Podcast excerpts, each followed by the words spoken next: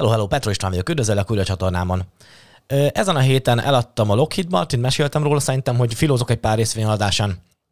Vettem helyette FNF-et, Fidelity National Financial-t. Mm, elég hullámzó hét volt az én portfólióm, és járt mindenfelé. Ez az eladás vételem, ez, ez, azért én nem toltam annyira turván, mint ahogy a Pap Zsolti.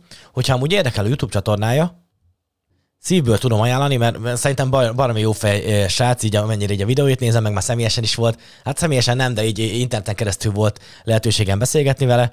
Nekem nagyon szimpatikus. Srác, ő is az EHT adásait, vételeit veszi sorra.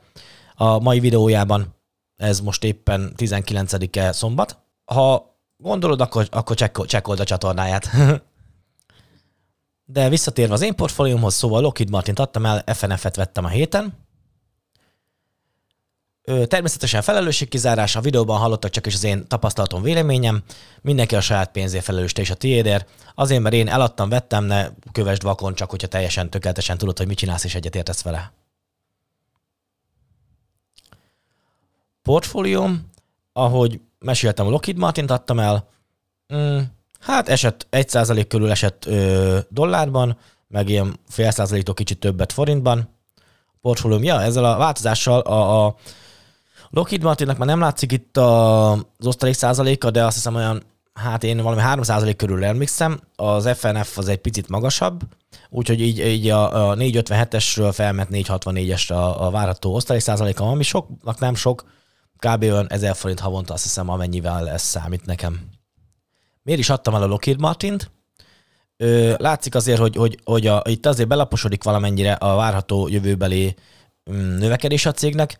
Bár lefogadom, hogy ezzel is úgy fogok járni, majd mindjárt mesélek a, a, az ExxonMobilról, hogy én nekem azért vannak, vannak elég, nem, nem, nem, nem túl akkurátlan a track recordom így eladások vételek szempontjából.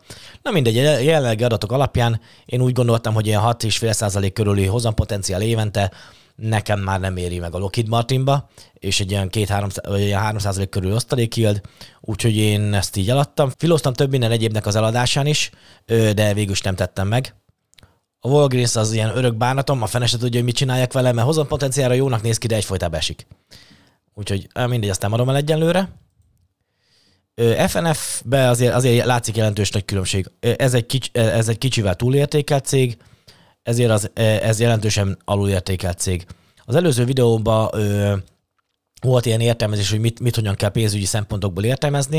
Azt hiszem top 10 alulértékelt cég plusz alapfogalmak volt a videó címe. Hogyha érdekel, nézd meg, mert, mert ö, ott azért elég alaposan, igyekeztem elég alaposan elmesélni, hogy mit hogyan elemzek, és mit miért nézek, és akkor ö, most még egyszer azt nem szeretném így elismételni.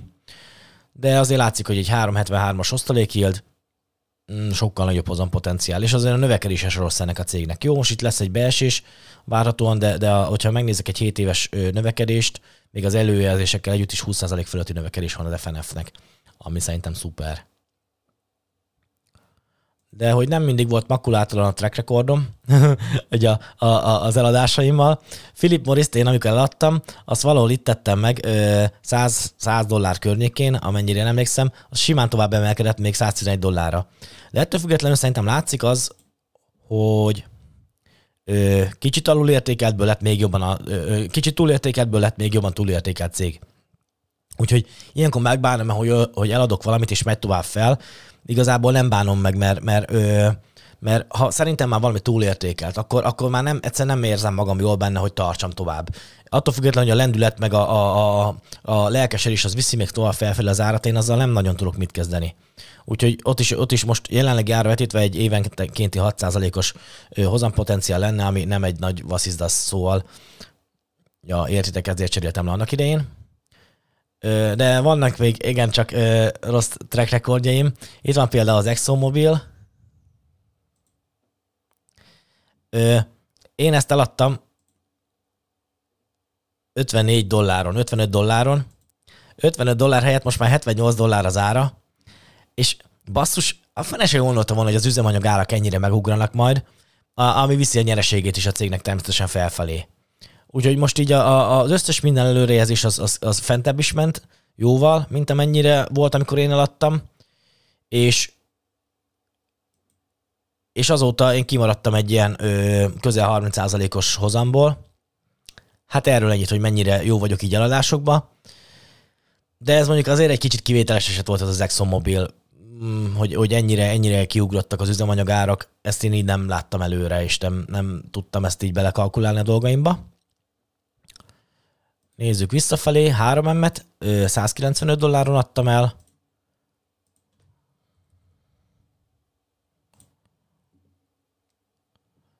Három M most jelenleg 148 dollár, szóval azért látszik, hogy nem olyan, olyan rossz azért a track recordom, de ez is olyan volt, hogy itt ö, valahol 195 dollár körül adtam el, és azért látszik, hogy utána még az ment felfelé a, a, a, az ára annak.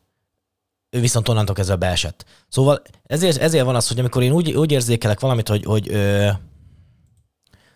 na, tüntessem már el ezt a... Ha én úgy érzékelek valamit, hogy, hogy, hogy már eleve magas az ára, akkor hiába utána még megy felfelé, az, az nekem már nem okoz lelkismert furlást, hogy miért adtam el, mert mert értem, hogy én, én, én saját, gondolat szerintem, én saját gondolatom szerint már akkor is magas volt az ára, de onnantól kezdve beesett. Ha nem változnak a, a, olyan jelentős mértékben az előrejelzések, mint hogy mondjuk az üzemanyag ádrágulás miatt az ExxonMobilnál változtak, akkor nem, nem nyúlok mellé. Ha viszont akkor óriási változások vannak ö, egy cégnek az előrejelzéseiben, mint az ExxonMobilnál volt, akkor persze mellé nyúlok. Úgyhogy ez ennyit. Nézzük még mi volt ilyen. Eladási track record, Johnson Johnson.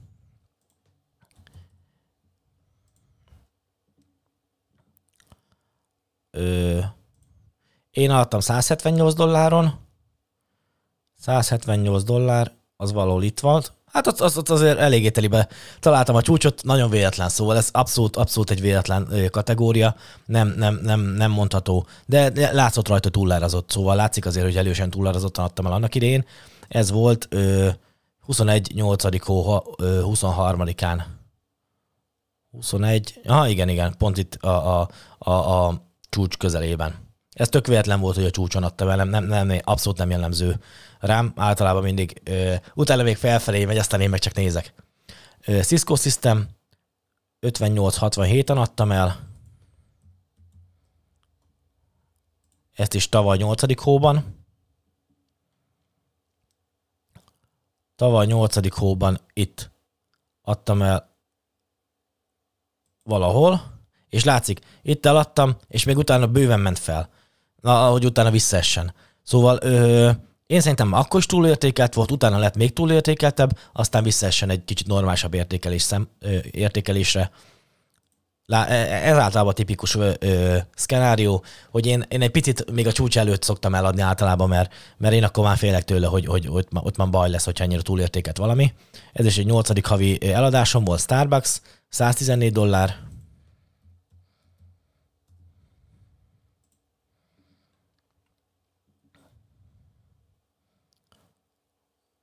Nyolcadik hónap.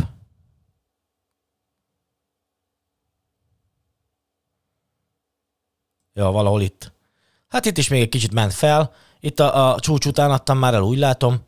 Ö, de ahhoz képest mennyire adtam el? 114 dollárért adtam el, ö, jelenleg 93 dollár. Szóval látszik, hogy én nekem ez már nagyon túlértékelt kategória volt. És, és, és, és, és nem, nem is az se érdekelt volna, hogy még megy tovább ki a, a világból. Ö, ja, a Target volt, azt hiszem még, amivel nagyon úgy jártam, hogy az, az, az, az még kilőtt. Ez 21 5 17-én volt.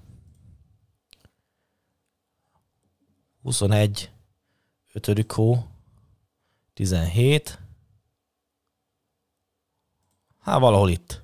Szóval azért látjátok, itt, itt mennyire felment még, mint az állat. Én alattam 200 10, 11 dollár körül, 211 dollár körül adtam, és hogy utána még azt végignézzem, hogy felment 261 dollárra, ahogy utána beessem.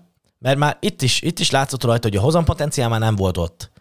Ö, volt rajta egy évenkénti 3% hozampotenciál. Már, már ott is. És most értitek, azt, azt én nem tudom ö, le, lelőni, hogy most ö, onnantól kezdve még a piaci lelkesedés kitart-e, vagy nem tart-e ki. Hát kitartott még egy darabig, hogy visszamenjen most jelenleg. Én 211 dollárért adtam el, majdnem egy éve, na jó, kicsit kevesebb, mint egy év, mondjuk 8 hónapja, 8-10 hónapja, és ö, most ö, 8-10 hónap alatt 218 dollárról, nem, 211 dollárról 204 dollárnál tart most a tar- target.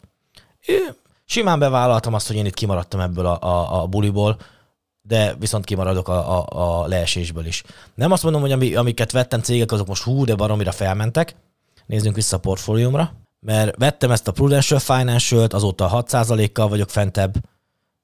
Ö, hát a British American tobacco nem tudom, hogy akkor vettem, most ezt így baromira nem tudom. Ö, de Unumot vettem, 10%-kal vagyok fentebb. Walgreens-t vettem, amivel lentebb vagyok 6%-a, mikor a Walgreens-t azt hamarabb vettem. De az, az, azt megmántam azt a vételt, a Walgreens-t. Láttam én, hogy ott, ott valami kicsit nem annyira kerek, de nem tudom, azt, azt szerintem, szerintem elkúrtam. Azt annak idén vettem. Hát mindegy, van ez így. Ö, ja. Amgen-t vettem még talán 4%-kal vagyok fentem, ami nem egy túl nagy. Szóval elég vegyes a felvágott, de, de azért, azért nagyjából lehet látni, hogy, ö, hogy, hogy amikor túlértékelté válik valami, akkor hiába utána még felfelé megy, kivéve, hogy ö, na mindegy, hiába utána felfelé megy, tök mindegy, hogy kimaradok belőle, mert utána valószínűleg vissza kell térnie a normál ö, kerékvágáshoz. Az ExxonMobil azért képez kivételt, mert a fene se gondolta, hogy ez, ez így ö, ennyire eldrágulnak az üzemanyagárak még, és még ennyire felfelé megy. Ezt, ezt, így, ezt így nem lehetett szerintem előre látni. Persze biztos vannak, akik azt mondják, hogy ők látták előre. Nagyon örülök neki, hogy ők látták előre, én nem láttam előre. Szóval nem vagyok annyira jó ilyen, ilyen szempontokból. Mindig, mindig én az aktuális előrejelzéseket nézem, aktuális előrejelzéseket azokat nem én találom ki, hanem, hanem más elemzők. Oké. Okay. Hát várható havi nettó osztalékom, hogyha marad ez a én szerintem valahol itt kéne lenni a, a, a jelenleg a normális forint dollár árfolyamnak. Ez a 310, 315, 314, 315 forint dollár árfolyam körül kéne lennie. Ö, úgyhogy én úgy gondolom, hogy körülbelül átlagosan havi nettó várható osztalékom 116 ezer forint lesz havonta. vagyongrafikonom, hát azt, azt, mint ahogy meséltem már nagyon sokszor, a kamatos kamat az, az segít, azért exponenciális, mert hogy minél több pénz van bent a befektetésekbe, az annál többet kamatozik, majd hoz, és akkor így, így ilyen exponenciális lesz a dolog. Hozom össze a sajtóm, ezt már sokat beszéltük. Tavaly elmaradtam 8%-kal az S&P 500-hoz képest, idén ö, több mint 16%-kal jobb vagyok, mint az S&P 500, a többi tucnak a, a hozamját azt itt látjátok.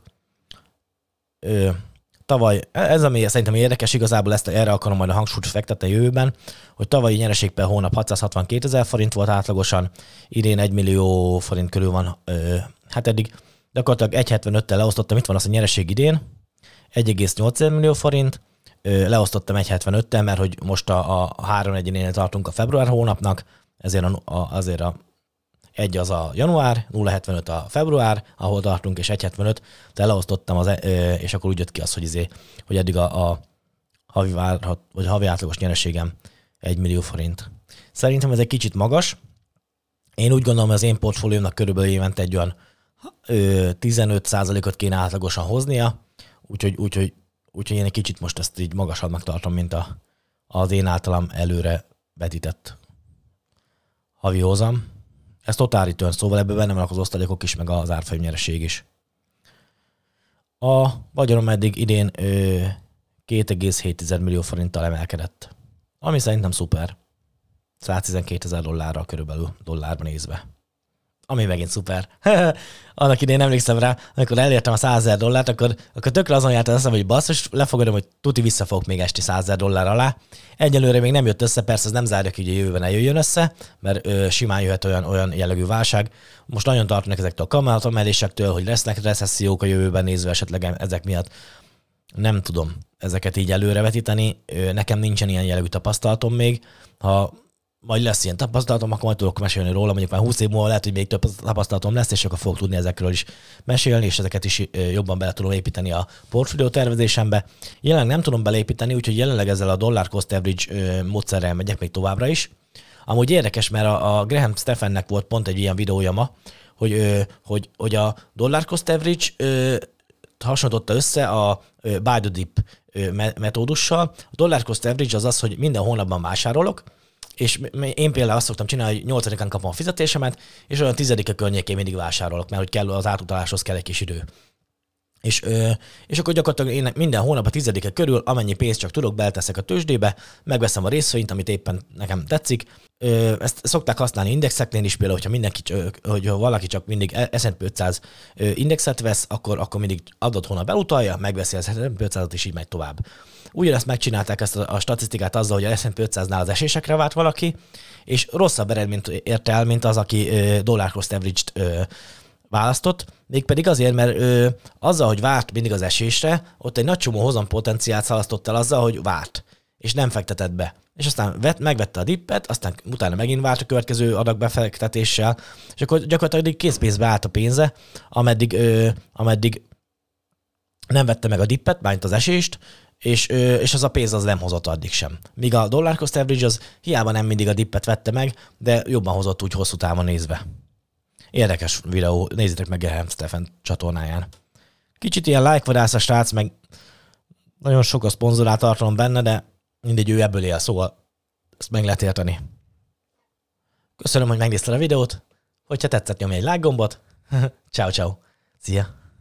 Hellóka, István vagyok. Hogyha szeretnéd támogatni a csatorna továbbfejlesztését, valamint az ilyen tartalmak gyártását, akkor nyomj a csatlakozás gombra. Stúdiófejlesztői szint 1000 forint havonta nyomja csatlakozás gombra. ciao, ciao.